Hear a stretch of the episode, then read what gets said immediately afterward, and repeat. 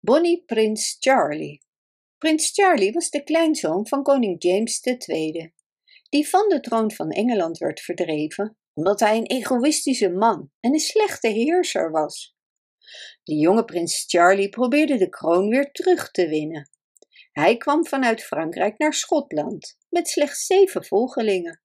Maar al snel voegde een groot aantal Schotten zich bij hem, want hij was zo vrolijk, knap en vriendelijk dat iedereen die hem zag van hem hield.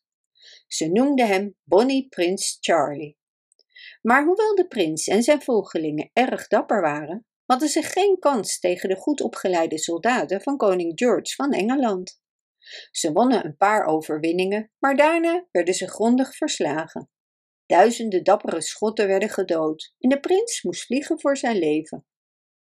Daarna verstopte hij zich wekenlang tussen de heide en de bergen voor de Engelse soldaten die hem probeerden te vinden.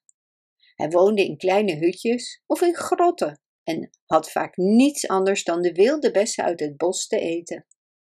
Eens verbleef hij drie weken bij een bende rovers, die erg aardig voor hem waren.